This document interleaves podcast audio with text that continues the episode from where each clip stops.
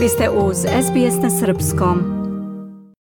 U našem redovnom zdravstvenom segmentu utorkom govorit ćemo o novom leku koji bi mogao da pruži nadu milionima ljudi širom sveta koji žive sa Alzheimerovom bolešću.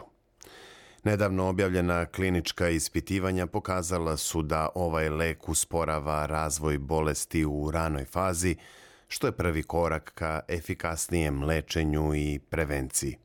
Opširnije u prilogu koji je pripremila Nataša Kampmark.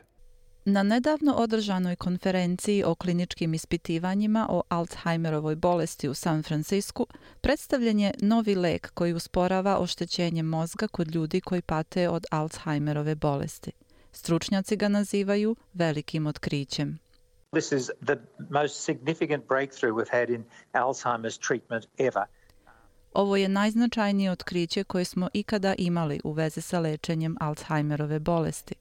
Lek napada uzrok bolesti, amiloid koji se taloži u mozgu i koji je toksičan za moždane ćelije, rekao je za ABC vanredni profesor Michael Woodward, počasni medicinski savjetnik organizacije Demencija Australija.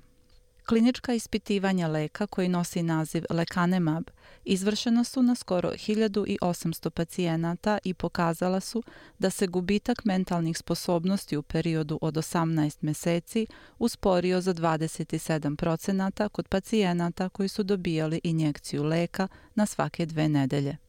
Lekanemab je antitelo poput onih koja napadaju virus ili bakteriju i stvara se kako bi upozorio imunološki sistem da ukloni štetni amiloid u mozgu. It has also been shown to reduce the amyloid in the brain back to normal levels. Također je utvrđeno da ovaj lek kod velikog broja pacijenata smanjuje količinu amiloida u mozgu na normalan nivo. Amiloid je protein koji se taloži u prostoru između neurona u mozgu i formira takozvane plakove koji su karakteristični za Alzheimerovu bolest. Lekanemab deluje tako što uklanja grudvice toksičnih beta-amiloid proteina koji se stvaraju u mozgu ljudi obolelih od Alzheimerove bolesti i oštećuju im memoriju. It probably works more efficiently than similar drugs Efikasniji je od drugih sličnih lekova zato što ciljano napada one oblike amiloida koji su najtoksičniji i koji se zovu oligomeri. Dr. Michael Iricaj iz japanske farmaceutske kompanije Eisai, koja je radila na razvoju leka, kaže da ovaj lek pokazuje da je moguće lečenje Alzheimerove bolesti.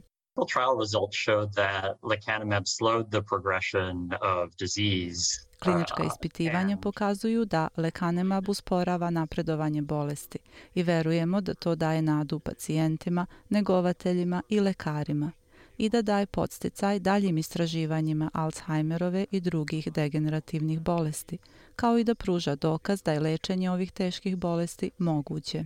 Od Alzheimerove bolesti pati više od 55 miliona ljudi u svetu, a prema podacima Demencije Australija, skoro pola miliona australijanaca pati od demencije, čiji je jedan oblik i Alzheimerova bolest. Jedna od njih je i Nell Ho, kojoj je bolest diagnostikovana u 52. godini života. Out of the books, I was forgetting what I was marking. Obučavala sam i ocenjivala medicinske sestre i počela sam da zaboravljam gradivo koje sam predavala iz knjiga i da zaboravljam šta ocenjujem. Bila sam sasvim sigurna da nešto nije u redu. Godinu i po dana, pošto su mi uspostavili dijagnozu, moj profesionalni život se završio. Stručnjaci se nadaju da će se ovaj lek u vidu injekcije davati u Australiji, ali je potrebno da ga odobri nadležno regulaciono telo.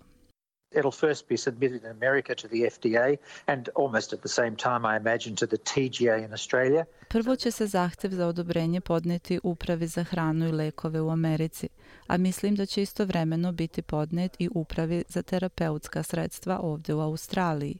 To znači da će u početku lek biti dostupan, ali skup, i da će postati pristupačniji kada dospe na listu subvencionisanih lekova.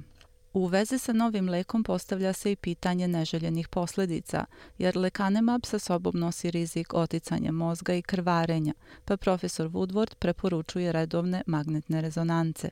So no, I do not think people need to be worried, but we certainly do need to monitor their brain. Mislim da ljudi nemaju razloga za zabrinutost, ali da treba da idu na redovne kontrole, zato što je pri upotrebi ovog leka potrebno raditi redovne magnetne rezonance mozga i preduzeti druge mere predostrožnosti.